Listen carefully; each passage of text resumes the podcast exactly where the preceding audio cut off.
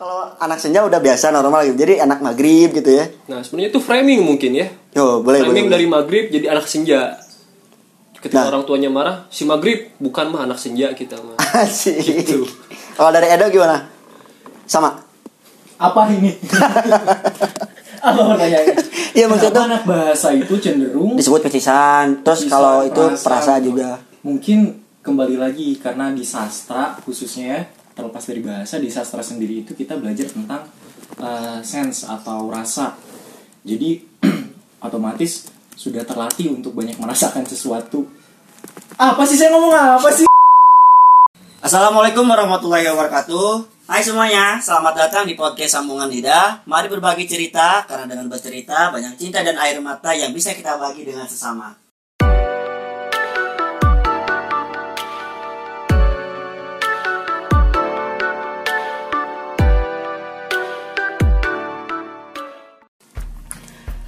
Ya, pada episode keempat kali ini itu akan ngebahas tentang eh, gimana sih rasanya jadi anak bahasa Indonesia itu, yaitu ngambil jurusan bahasa Indonesia di perkuliahan. Tapi kali ini saya nggak sendiri, ditemani oleh dua kawan saya, ada Alip dan ada Edo apa Rida yang manggilnya? Panggil saja Rida. Rida, oke ada Rida. Alip, ah nggak usah formal lah. Pakai jaster itu, nggak usah formal. Oke, apa-apa. Alip, eh, kesibukan Alip sekarang gimana nih? Ya kesibukan saya sih hanya mengerjakan skripsi ya, karena itu syarat saya untuk bisa lulus dari jurusan bahasa. Indonesia ini. Mahasiswa tingkat akhir ya. Ya, begitu Mas. Rida, Rida. Ya, sama halnya juga dengan Alif, saya juga sedang sangat sibuk mengerjakan skripsi dan sangat sedang sangat sibuk memikirkan mau jadi apa setelah lulus. Oh. Oh iya, ada lagunya Dah. kan? Iya. Kuliah sastra, lulus mau jadi apa? Eh, itu lagu apa ya? Oh, Anda tidak akan tahu. Oh, Karena pergaulan Anda masih sempit. Oke, siap. gak apa-apa, gak apa-apa, gak apa-apa. Nah, berarti ini benar ya, eh, Alip maupun Rida itu Anak sekarang bahasa. kuliah di jurusan bahasa ya? Ya, ya bisa dicek Bahasa. KTM-nya nanti ya. Oke, siap. Anak bahasa Indonesia angkatan 2016. 2016. Oke, berarti sekarang udah tingkat akhir nyusun skripsi. Jadi semoga eh, Muhammad Rida dan Alif, saya juga tentunya ya, itu bisa menyelesaikan skripsi dengan Aman. aman, Lancar. lancar. Amin. Tepat pada waktunya. Jadi mending tepat waktu atau waktu yang tepat? Waktu yang salah kayaknya ini. Seperti kata Fiersa. Kok ini jadi bahas-bahas skripsi ya? Mohon maaf. Oh ya maaf, maaf. terlalu melenceng, terlalu, Terlalu melenceng. melenceng ini. Nah, oke, Eh, Cing mau ngobrol nih kan kemarin kemarin itu kan ngobrol sama anak anak yang bukan bahasa gitu kan di podcast saya yang sebelumnya. Nah untuk podcast kali ini yang mau saya tanyakan itu kenapa sih kalian berdua itu ngambil jurusan bahasa Indonesia gitu pas sebelum masuk kuliah gitu? Apakah sebelumnya udah cita-citanya menjadi eh, guru bahasa Indonesia atau jurnalis atau apa? Gimana? Oh, siapa, siapa dulu nih? Bebas lah. Alif Oh, dulu boleh ya dulu lah. Dari yang paling tua dulu lah. Oh begitu. ya terima kasih Bung Ayub. Jadi pada awalnya itu saya memang bercita-cita jadi guru, tapi berubah waktu SMA. Karena saya sadar saya punya postur yang sangat bagus untuk menjadi seorang abdi negara, saya bercita-cita menjadi anggota kepolisian. Ah, Tapi sayangnya saya mempunyai kekurangan yang tidak bisa diobati. apa tuh? Buta warna. Jangan bertanya ini warna apa. Jangan seperti orang lain, ya. Iya, iya, siap, Nah. siap. Siap. Lalu saya itu berpikir, aduh masuk mana lagi nih? Oh ya sudah, kembali lagi pada cita-cita saya waktu kecil menjadi guru. Tapi saya tidak suka hitungan dan saya tidak bisa bahasa Inggris. Hmm. Tapi saya pengen jadi guru yang ada di pelajaran UN, Kenapa tuh? biar bisa ngajar di tempat les. Oh, bener masuk masuk. Bener, kan? Masuk masuk masuk. di Benar benar benar. Tapi sayangnya pandemi ini bimbel pada tutup gitu, jadi bingung saya ini cita-citanya gimana. bener bener. Berarti alasannya tuh eh, gimana caranya pengen jadi guru tapi yang ada di UN gitu. Yang ada dua UN bahasa Indonesia kan. Oh, iya. Di SD sampai SMA ada bahasa Indonesia. Kenapa nggak bahasa Inggris? Saya tidak bisa bahasa Inggris. Matematika? Oh, apalagi saya ya? tidak suka hitung-hitungan. Oke, pilihan yang Pilihannya sangat cukup logis kan? iya bijak sekali Anda yang Sangat bijak. Ya akhirnya saya masuk ke jurusan bahasa Indonesia. gitu. Oke, siap siap. Kalau untuk Rida gimana nih? Hmm, kenapa masuk jurusan bahasa Indonesia ya. Hmm. Kalau saya sendiri itu sebenarnya eh, bisa dibilang terjebak karena dulu saya sudah terjebak sewaktu SMA karena sewaktu SMA karena sewaktu SMA itu saya masuknya jurusan bahasa Oke. tadinya mau ke IPA tapi saya ngerasa nggak bisa hitungan juga sama kayak Alif dan Saya juga IPA loh. oh iya Iya, nggak bisa hitungan. Saya juga IPA, ada yang nanya nggak? ya murtad kalian semua Oke. Oke. nah, tapi ternyata takdir membawa saya ke jurusan ini. Nah, sebenarnya saya juga tidak begitu berharap ya, tapi karena waktu itu ada kewajiban untuk ngisi di SNMPTN dan pilihannya itu kalau saya pilih bahasa Inggris saya pun tidak bisa berbahasa Inggris dengan baik. Bahasa Jepang nilai UN bahasa Jepang saya 4. Ya sudah, akhirnya saya Oh. pilih bahasa Indonesia. UN SMA bahasa Jepang ada. Ada, karena di kelas bahasa itu ada bahasa Jepangnya itu eh bahasa UN. itu Jepang. Eh, UN bah jurusan bah eh anak SMA jurusan bahasa tuh apa aja sih UN-nya? UN-nya itu ada antropologi, bahasa Indonesia, sastra Indonesia, bahasa Inggris, sastra Inggris. Wow, Tadi Jepang maksudnya? Bahasa Jepang? Iya, ada. Ada. UN. Iya. itu soalnya dibuat di Jepang. berarti. Tidak, tidak. oh iya, iya. Soalnya dibuat di Jepang kan. Iya. Bahasa Arab nggak ada. Bahasa Arab tidak ada. Wah, bagus sekali itu. Kalau ada tuh kayak baca kitab gitu ya, Enggak, nanya kayak kitab. baca komik manga gitu kalau Kan bahasa Arab. Apa yang Oh, manga enggak, bahasa Arab? Jepang, Mbak. Jepang. Bahasa Jepang. Bercanda nih. Bercanda nih, bercanda ya. ya, masuk. Bercanda. Masuk, nggak masuk. Nggak masuk. Nggak masuk, nggak masuk. Udah ulangi lagi ulangi. Oke.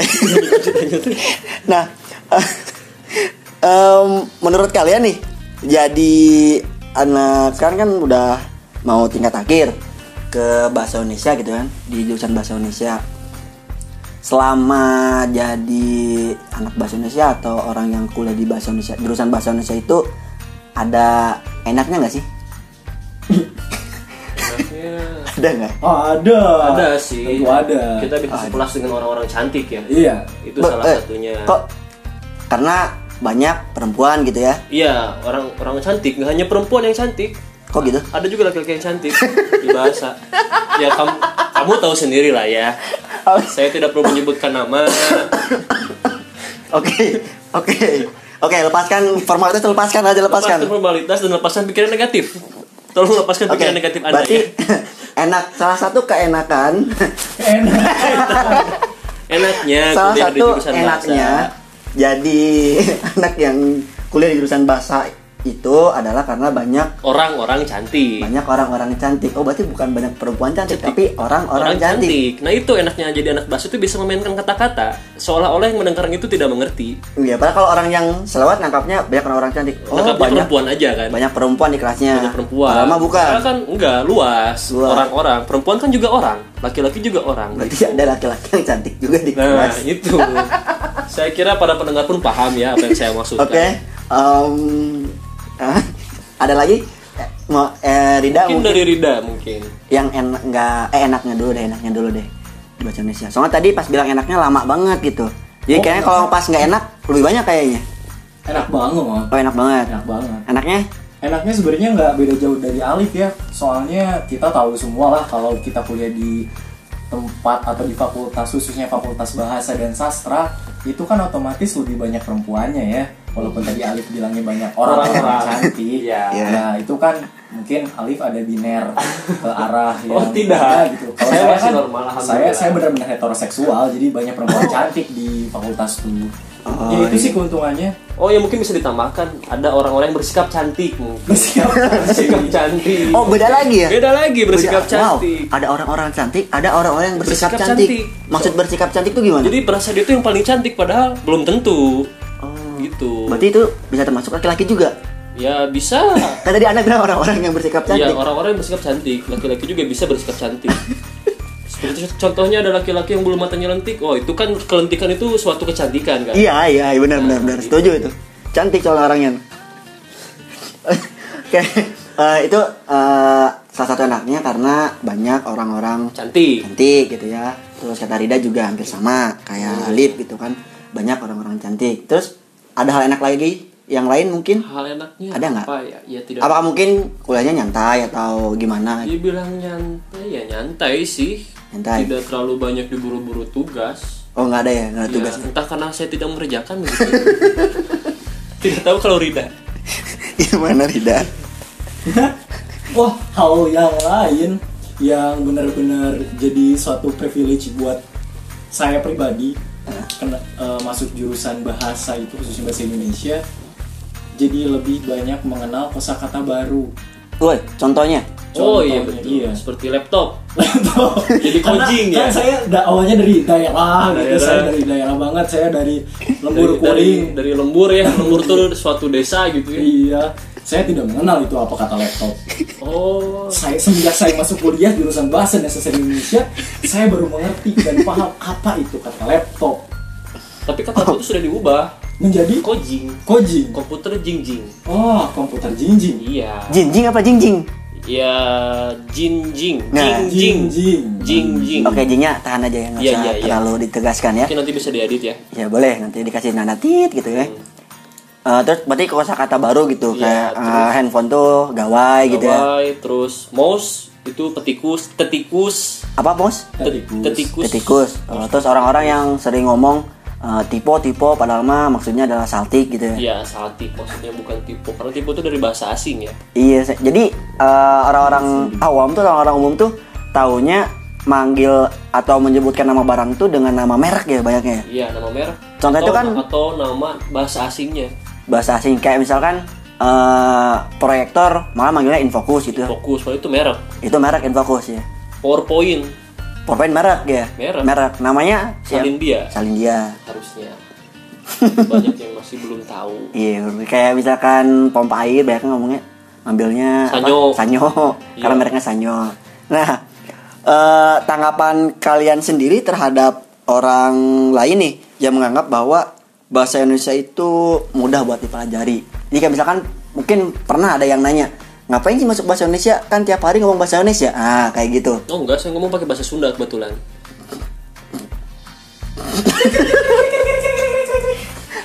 Kalau saya sih lain. Oh, ya. oke, oke, oke. Kalau saya lain.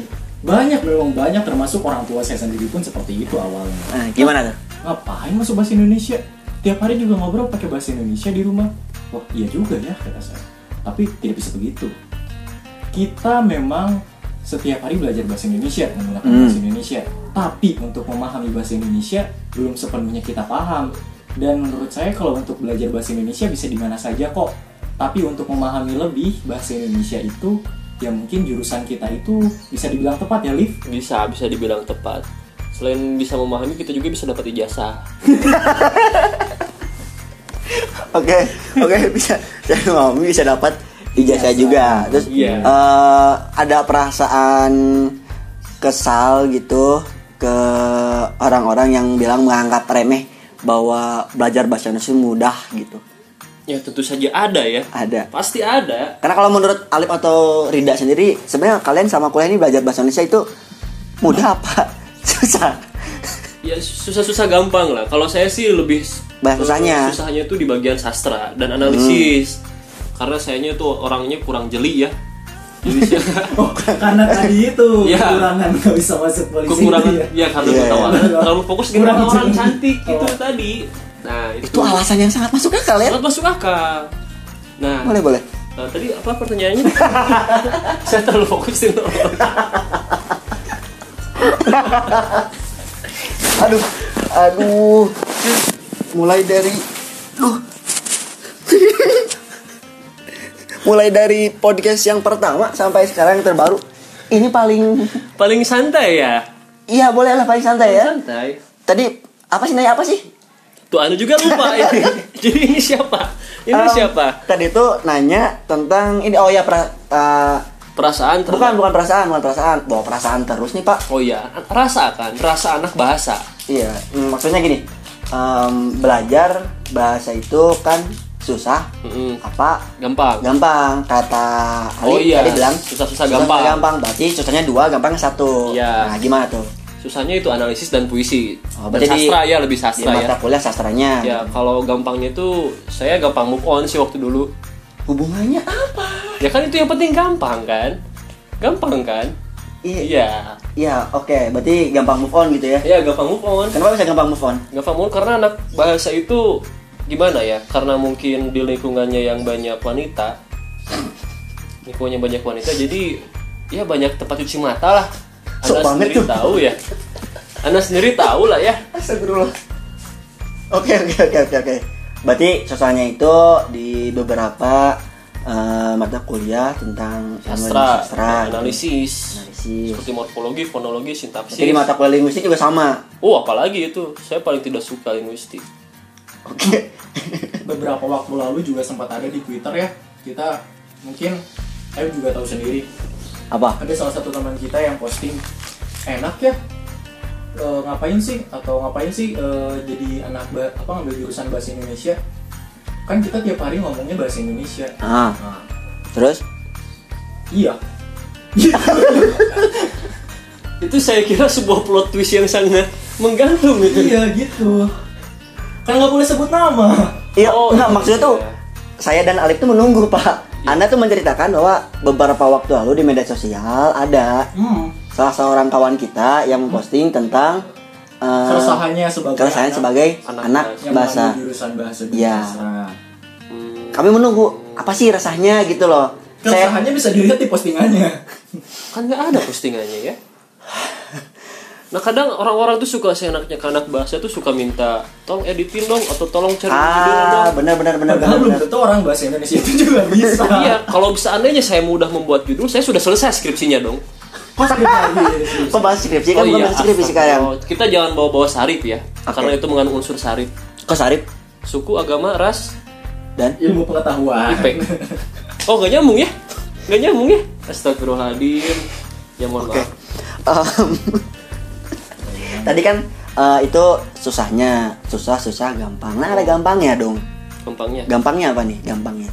Kalau gampangnya sih saya lebih mudah memahami kata-kata orang ya, lebih mudah memutarbalikkan fakta. Ah. Oh ya ada ilmunya, ada, nama ilmunya. Ada ilmunya. Apa nama ilmunya apa? Apa coba? Eh, saya juga baru mau, bertanya. Eh saya host di sini loh. Oh iya ya. Host yang punya wewenang di sini. Ada ilmunya. Namanya? Secara tidak langsung secara tidak langsung itu kita jadi paham. Coba. Paham, paham. Back ke sini. Apa ilmunya? Ada ilmunya secara tidak langsung tapi Apa nama ilmunya? pragmatik. Oh, apa itu pragmatik? Ilmu tentang makna. Ilmu tentang makna, semantik. Pernah saya mati tentang Iya, mana? semantik juga makna ya. Oh, saya salah sepertinya. Kan tadi saya eh, tadi juga Anda mendengar sendiri. Kalau saya jarang mengerjakan tugas. Oh, itu sepertinya penyebabnya. itu penyebabnya. Tuhan, aku berjalan. Oke, em, berarti mudah untuk membalikan fakta gitu atau misalkan memahami bahasa lah. pas lagi ngobrol ada argumen nih atau lagi debat anak bahasa tuh lebih di Lebih terstruktur, Lebih menonjol rapi. gitu ya? Heeh, lebih rapi. lebih rapi kalau ngomongnya Lebih gitu. berani ngomong sih. Soalnya teman-teman saya sendiri itu ada yang bilang bahwa pertama kali ketemu dengan saya itu agak kesusahan katanya dalam ngobrol karena nggak tahu sih nggak taunya sih karena apa ya bisa dibilang agak ribet katanya kalau ngomong contoh misalkan kan dalam ilmu pragmatik kita belajar kalau orang yang sama udah tahu pragmatik udah akrab Iya. gitu kan Jarak sosialnya pasti dekat. Ah, jarak Semakin sosial dekat. tuturannya kan. Iya, contohnya adalah kalau pas lagi ke warung ada yang bilang eh, kopi satu, berarti nggak usah nggak usah bilang pesan bu saya pesan kopi satu, tapi si ibu sendiri ngerti gitu ya. Hmm. Nah, katanya kalau ngomong anak baca tuh agak ribet, bener nggak sih? Agak ribet. Agak ribet katanya. Oh, sih, kalau agak ribet mungkin kita nggak akan berteman mungkin ya. Enggak Iya. menurut saya. Kalau kata saya enggak sih. Enggak. Karena toh pada kenyataannya juga kalau anak bahasa itu khususnya bahasa Indonesia ya kita hanya menggunakannya di lingkup tertentu. Di Hmm. lingkup perkuliahan, di lingkup pertemanan pun rasanya justru malah terlalu kaku kalau menggunakan bahasa Indonesia yang Formal. baik atau formal. Jadi selebihnya menurut saya tidak sih. Mungkin itu karena faktor jarak juga yang tadi Alif bilang tentang pragmatik. Jarak sosial. Iya, karena mungkin kedekatannya pun kurang, sudah lama jarang bertemu, begitu bertemu lagi, lama. Iya, kok bisa?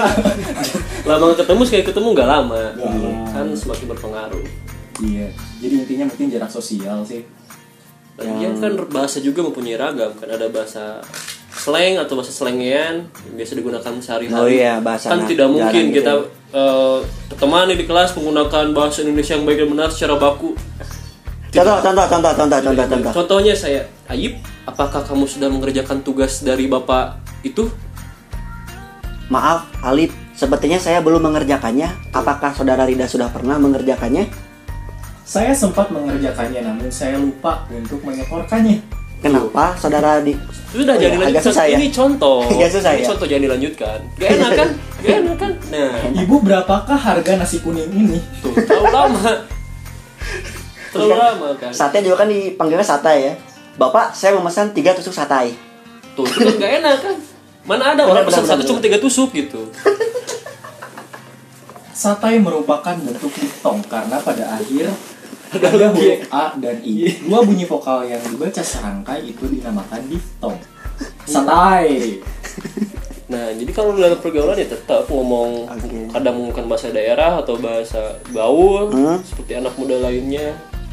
Gitulah. Berarti eh, berarti kalau dalam bahasa slang itu ada yang sekarang tuh identik kayak eh, banyak eh, bahasa uy kan ada katanya yang Hmm, skuy, Bahasa-bahasa yang. Uy, kayak gitu kan. Itu tanggapan kalian gimana sih kalau mendengar hal kayak gitu? Goks, gokil kan goks, Oh, saya baru dengar itu, Goks. Yoks. goks. Si. Gak tau tuh, goks tuh nggak tahu gokil nggak tahu apa tuh. Pokoknya ada yang eh, sering bilang nih apalagi Goks, kuy, goks, terus kuy kayak gitu-gitu. Oh, dan lain-lain ya. Hmm. Tanggapannya gimana? Kalau tanggapan Normal kah? Atau normal sih ya. Kalau saya ya menurut saya normal ya karena kan kita pun sudah sempat mengenal mungkin tentang bahasa slang Iya. ya ragam non formal atau mungkin biasa kita dengar tentang slang itu jadi bahasanya agak slangian biasanya itu kaum kaum tertentu atau rentan usia tertentu yang mengetahui makna dari kata tersebut ditambah lagi kan sekarang itu ramai sekali ya youtuber youtuber Ah, menggunakan iya. bahasa-bahasa Iya. mereka. Hmm, jadi sebenarnya terlepas dari mengerti tidak mengerti, rasanya sudah umum mendengar kata-kata seperti itu. Tanggapannya ya normal saja, Normal. tapi ya normal saja, tapi ya tergantung pemakaiannya lah.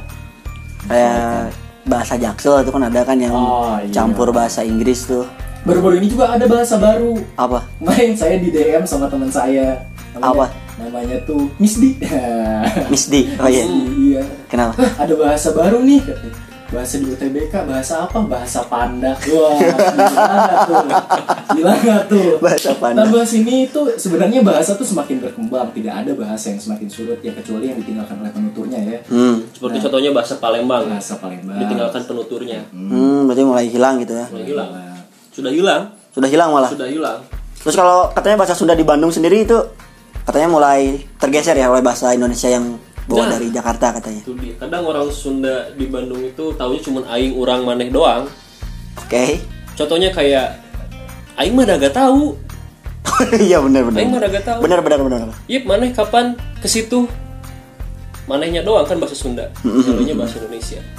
mana kapan terak tutak Ah, itu lagi tren ya. Tungtak 2020. nama dulu saya Alif dari Gugus 9 Nama saya Panca. Aduh. Oke, eh, untuk eh, selanjutnya itu tanggapan kalian tentang orang bahasa itu adalah orang-orang yang perasa katanya, apalagi laki-lakinya disebut pecisan. Gimana nih? Karena katanya kalau anak bahasa itu kan sering baca buku, novel, puisi, Hmm. terus sering ngogombal gitu. Gimana menurut kalian tanggapannya? Kalau itu mah seperti tuntutan peran ya. Kok tentang peran? Tuntutan peran kayak misalnya saya walaupun saya tidak pandai membuat hidup puisi. ada drama sekali Iya, penuh dengan drama. Walaupun saya tidak pandai berpuisi, membuat puisi, tapi saya suka drama. Hmm, Sedangkan di dalam teks drama itu pasti ada kata-kata kiasan yang artinya tuh luas. Menurut saya artinya A, menurut orang lain itu belum tentu artinya A. hmm, Nah, jadi itu lebih memudahkan saya membuat kata-kata yang apa ya? Puitis mungkin ya. Puitis. hmm. Puitis tujuan saya membuat kata-kata puitis biar orang lain itu tidak menangkap langsung pesan yang saya sampaikan. Oh, paham, paham. Karena kan eh, kalau galau mungkin terlalu aneh kalau membuat di media sosial status saya galau. Oh, berarti itu kesannya Apa sih gitu? Iya, gitu, bener. Gak ada estetiknya kan. Kalau anak bahasa kan lebih bisa mengestetikan bahasa. Kayak misalkan mungkin sekarang anak senja dibilangnya gitu Iya, kenapa nggak seharupnya gitu? Sarup. Seharusnya sarep. Oh, seharupnya atau anak maghrib gitu kan? anak iya anak maghrib itu anak sarupnya gitu Ah, ya si maghrib. Maghrib. Itu kan sering dipanggil sama mama kita ya dulu ya. Si maghrib, si maghrib. maghrib karek balik, maghrib baru pulang itu artinya. Aduh. Kan udah kalau anak senja udah biasa normal gitu jadi anak maghrib gitu ya Nah sebenarnya itu framing mungkin ya. yo boleh boleh, Framing boleh. dari maghrib jadi anak senja. Ketika Nah. orang tuanya marah, si maghrib bukan mah anak senja kita mah. Asik. Gitu. kalau dari Edo gimana sama Apa ini? Apa pertanyaannya? Iya maksudnya? anak bahasa itu cenderung disebut pecisan terus kalau itu perasa. perasa juga. Mungkin kembali lagi karena di sastra khususnya ya terlepas dari bahasa di sastra sendiri itu kita belajar tentang uh, sense atau rasa. Jadi otomatis sudah terlatih untuk banyak merasakan sesuatu. Apa sih saya ngomong apa sih? Anda ini sepertinya aduh. tidak kuat ya. Jadi siapa yang jarang mengerjakan tugas itu saya atau Anda? saya bukan karena tugasnya saya memang tidak perasa saya mengatakan kata senja pun saya jarang sekali senja gitu. maghrib Ya. saya Oh iya, sarutna ya. Aduh. Jadi Jadi- sebenarnya itu prototype sih. Tidak juga semua anak bahasa dan sastra itu mereka pasti ada lebih condong ke entah ke linguistik atau entah ke sastranya. Jadi tidak bisa juga sih Bisa meratakan. Bisa meratakan. Oh katanya anak bahasa itu tuh Picisan. bisa nih gampang rayu cewek atau apa. Nggak juga sih ya. nah ini kan dari pendapat laki-laki nih ini kalau dari pendapat perempuan gimana ya Eh, mungkin bisa menghubungi salah satu kawannya mungkin Oh, teman saya oh, perempuan. Oh, ada ada ada. ada Ada. siapa nih Ini namanya tuh Melda. Iya, Melda. Melda. Dia tuh- Melinda. Me- Melda. Melda Melinda Melda Fauzia Damayanti. oh, nah Kita coba teleponnya. Semoga saja mengangkat. semoga mengangkat dan tidak Dia sibuk ini dikenal sebagai sis- mahasiswa yang paling pintar loh, Bung Ayub. Oh kan kita sekelas ya? Pasti kelas sama Melda ya? Oke, oke. Jadi, jadi kan maksudnya kan dari versi laki-laki dibilang bahwa picisan. Nah ini kan perempuan katanya bisa perasa juga benar atau tidak gitu. Hmm. Kita coba membuktikan dari Melda sendiri apakah benar anak jurusan bahasa Indonesia perempuan itu perasa gitu. Hmm, ini tidak mengangkat ya?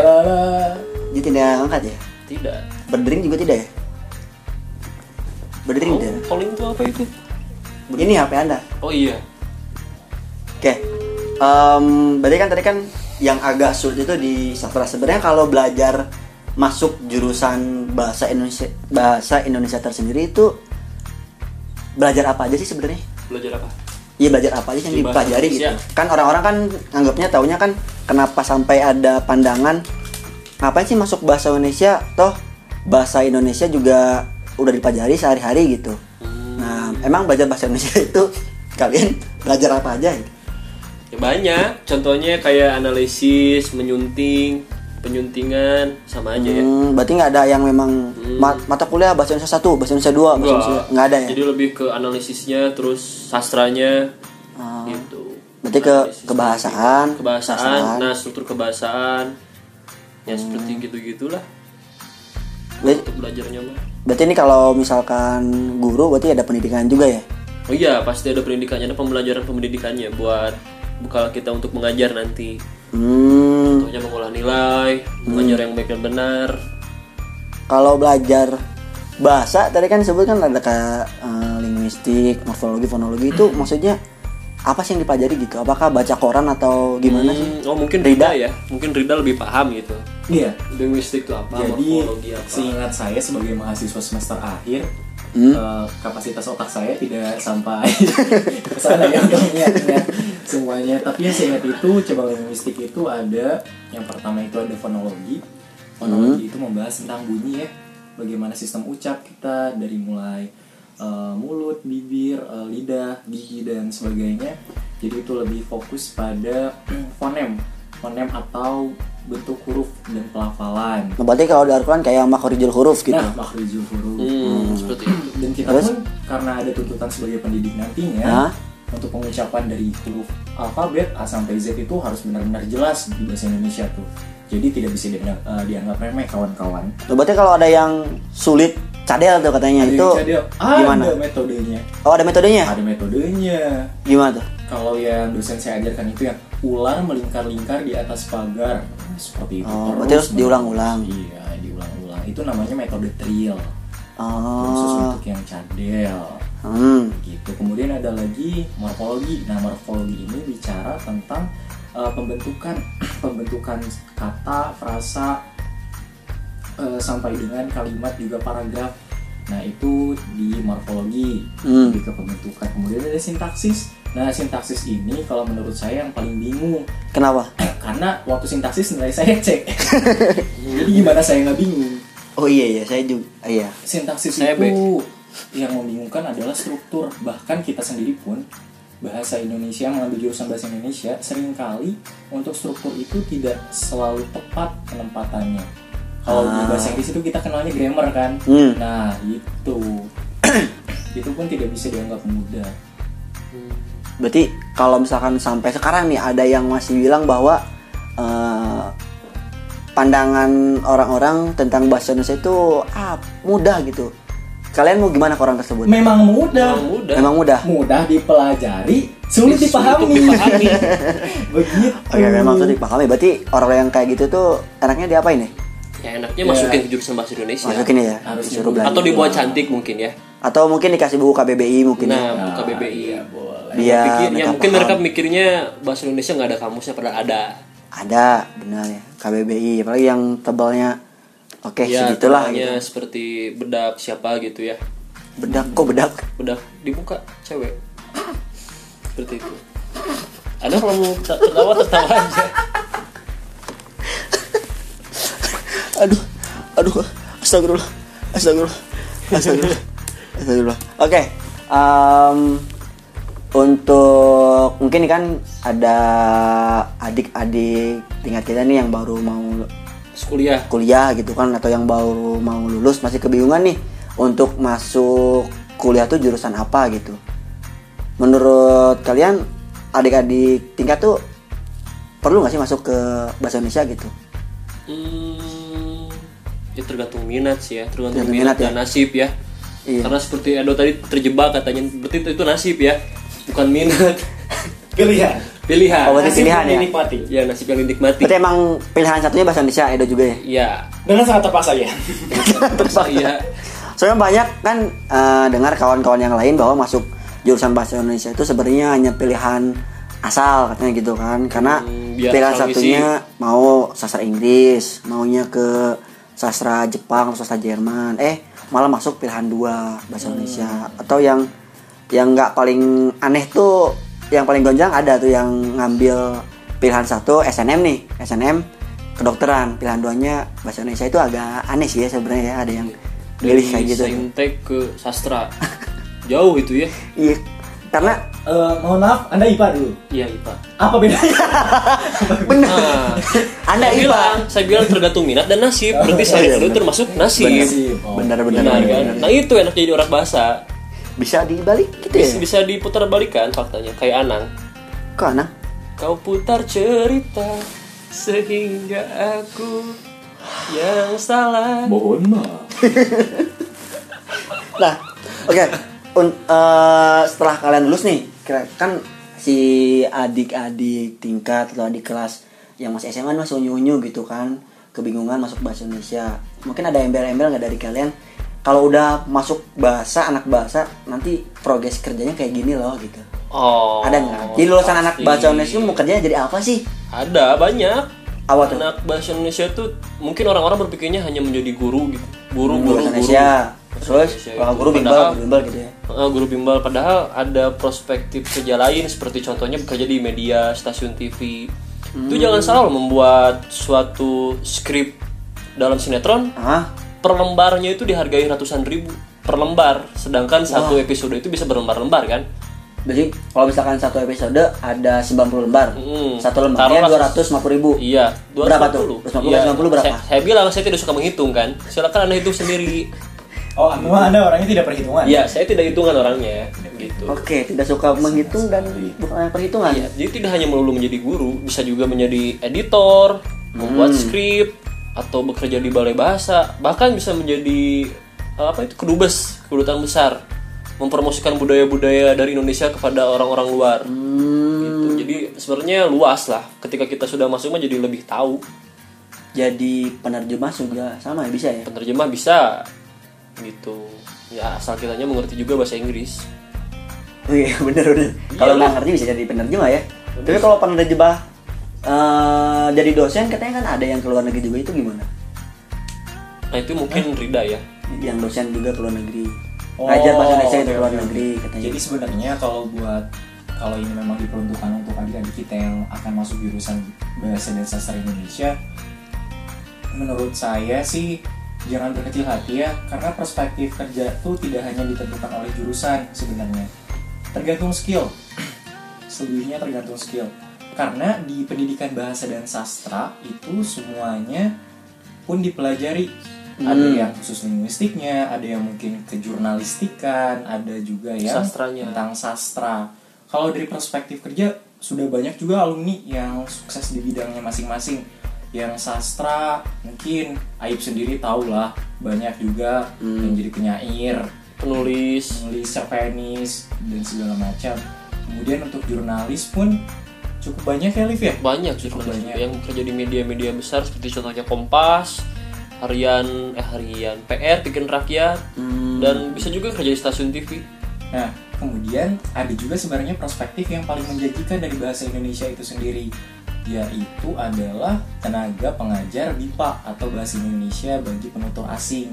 Nah, itu tuh kalau kita bicara tentang perspektif menjanjikan itu sangat menjanjikan sekali. Kenapa? Sangat menjanjikan sekali karena dengan kita mengajarkan bahasa Indonesia kepada penutur asing, Ah, kalau ditanya secara gamblang tentang materi yang akan didapat Iya. atau uang yang akan didapat kalau memang orientasi kita ke uang itu jauh akan lebih besar daripada hanya menjadi guru bahasa Indonesia biasa ah, seperti itu kalau memang tujuannya Materi Materi. ah. Kalau tujuan yang lainnya? yang mungkin lebih pada mengabdi Ah, mungkin ya. hmm, pengabdian kayak gitu. Mengabdi mengajar. Berarti kalau untuk bonus sendiri, eh untuk eh, jumlah gaji atau uang yang didapat itu sebenarnya cuma bonus ya daripada Itu bonus. daripada pengalaman yang di, Dan- kita dapat itu. Hmm, sisanya pengalaman dan pengabdian. Hmm, benar benar.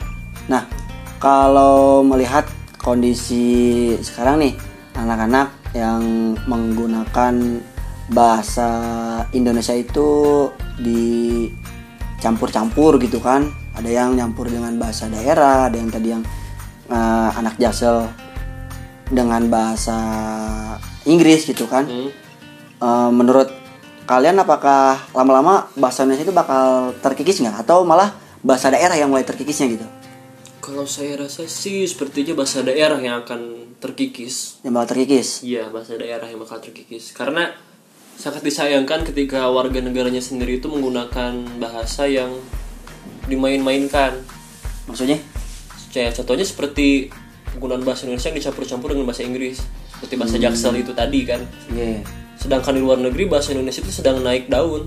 karena banyak yang menggunakan ya Banyak sedang bukan banyak menggunakan, banyak dipelajari. obat pelajari Iya, banyak dipelajari. di mana aja tuh Contohnya kayak di Prancis, ada boleh pertukaran. Prancis ya Prancis.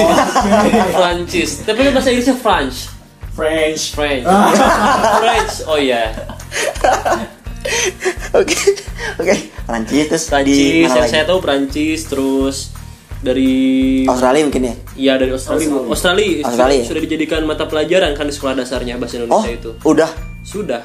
Setahu saya. Mungkin nanti bisa di cross check lagi ya. Takutnya saya benar. oke kalau dari Rida gimana tanggapannya apa ya anda menilai menyimak anda berapa sih? Wah kemarin saya tes UKBI paling rendah nilai menyimak. Oh, berarti bisa dipastikan. UKBU itu apa Uji itu uji kemahiran bahasa Indonesia. bahasa Indonesia. Itu wajib ya untuk kalian yang merasa orang Indonesia. Banget. Kalau kalian bisa tes TOEFL ya menyempatkan tes, tes TOEFL, kenapa tidak bisa untuk UKBI? Jadi UKB itu TOEFL-nya Indonesia. Ah, berarti untuk orang-orang yang masih menganggap bilang bahwa ah Bahasa Indonesia bahasa Indonesia gampang. gampang, sih ngapain belajar bahasa Indonesia coba UKBI gitu ya Coba UKBI. coba UKBI kalau memang nilainya bisa apa yang paling tinggi tuh Eh, sangat unggul. Tidak. bukan Bukan. bukan sangat unggul ada lagi Istimewa. Oh, istimewa. kalau udah istimewa barulah boleh boleh menghujat sepuasnya menghujat nge eh nggak boleh ngomong kasar ya nge, nge ya segitunya lah segitulah pokoknya ya Segitunya. Eh, saya cukup kesal soalnya dengan hal semacam ledekan seperti itu nah ya wajar di perkuliahan sendiri memang eh, fakultas rata-rata semuanya dihuni oleh kaum hawa atau perempuan ya. Hmm. apakah dengan banyaknya kaum hawa dalam satu kelas itu mempengaruhi genetik kalian sebagai Alhamdulillahnya laki-laki tidak ya. Genetik tidak. Saya masih kuat Masih kuat. sebagai seorang pria. Tidak tahu kalau Rida gitu ya. Itu kan dari eh, fisik mungkin tidak terlalu berpengaruh. Kalau dari Iya. psikis sendiri gimana? Kalau jadi Dari psikis gimana? psikis sih saya jadi lebih lebih apa ya? Lebih lebih nyaman mungkin bergaul dengan wanita. Lebih nyaman ya? Iya tapi dalam batas normal Hmm. kalau batas bukan normal? Kalau batas bukan normal ya bergabung seperti mereka. Ah. Benar benar benar benar seperti itu. tidak gimana? Masih terpengaruh kah? Fisik dan psikis atau hanya psikis aja? Kalau terpengaruh psikis, saya rasa tidak ya. Cuma ya kita juga tahu lah ya jumlah wanita lebih banyak daripada sudah ada di laki-laki. Ya ya. paling pengaruhnya mungkin eh, merasa agak terintimidasi. maksudnya apa nih Agak terintimidasi itu ketika wanita lebih selalu lebih rajin daripada laki-laki. Kadang saya suka merasa tertinggal gitu. Alif gimana Alif menurut Alif? kalau saya sih sudah biasa tertinggal Sudah bisa tertinggal. entah itu laki-laki semua atau ada wanitanya Iya. Sebenarnya kalau Sudah bicara kebal. dari keresahan pribadi sih, saya tidak ada keresahan yang begitu mendalam gitu ya. Banyaknya perempuan di kelas atau apa itu tidak jadi keresahan, tapi kalau saya sudah tertinggal mengerjakan tugas atau apa pun itu, rasanya merasa terintimidasi oleh perempuan. justru bisa menjadi motivasi buat kita ya. Tidak juga. Tidak juga sebenarnya. masa oh ya maaf sama perempuan gitu. Nah, itu seharusnya seperti itu. iya harus seperti itu. Tapi pada Tapi- kenyataannya jarang sekali Jarang sekali. jarang. Malah hal yang sebaliknya. Hal-hal sebaliknya. Soalnya kita kalah jumlah. Iya kalau kalah jumlah jumlah ya. di kelas. Jadi kalau misalkan ada eh, em, apa ya istilahnya diskusi gitu kan. Hmm? yang paling poin paling baik diambil ya udah gimana perempuan aja. Ya Nah, gimana itu. perempuan? Karena tiap kelompok pasti cuma ada satu laki-laki. Tapi yang bisa gitu kan kalian laki-laki sebagai pemimpin. Nah itu kan bukan makmum kita. Iya kan? Iya benar benar benar benar. Imam itu di dalam keluarga mereka bukan keluarga kita. Benar benar benar, benar. nah begitu. Berarti ya oke lah berarti tidak ada gangguan ya sedikit pun tentang fisik dan psikis. Hanya Nah, tidak ada gangguan. faktor dari dalam saja yang cukup Iya. memprihatinkan iya itu ke- kembali lagi ke individunya lah Mm. pribadi masing-masing Nah kalau untuk eh balik lagi ke topik ke bahasa nih, jadi anak bahasa, apalagi anak bahasa Indonesia, itu kalau misalkan ada semacam tugas dan yang lainnya gimana tuh? tugas Maksudnya tugas tuh apakah hanya tentang bacaan, bacaan, bacaan? Kan kalau misalkan anak kuliah jurusan teknik Teknik. membuat, misalkan menggambar suatu gedung. Itu anak arsitek atau anak Eh, sipil gitu kan. Terus anak olahraga banyaknya praktek olahraga. Kalau anak bahasa sendiri itu hal-hal mata kuliah atau tugasnya sepertinya apa sih sebenarnya? Apakah hanya baca baca baca baca dan baca? Nah, tidak hanya membaca tapi ada juga membuat, menganalisis, contohnya Ah. membuat puisi, terus menganalisis berita di TV atau di koran mungkin, Hmm. mencari kesalahan penulisan atau kesalahan kaidah kebahasaan pasti ada, Hmm, gitu. oke oke oke. Cukup menarik ya obrolan kita pada hari ini. Mungkin eh, Hmm, dari kalian satu kata untuk orang bahasa Indonesia itu apa tuh satu kata aja satu kata.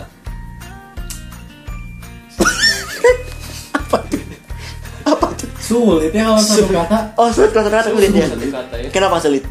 Karena terlalu banyak Karena- kata yang ingin diutarakan gitu. Oh kalau ngomong sama ya udah Sulit. satu kalimat untuk anak bahasa Indonesia atau orang bahasa Indonesia Hmm, apa ya? Bingung juga saya, sudah lama gak mikir soalnya. nggak usah mikir lepasin aja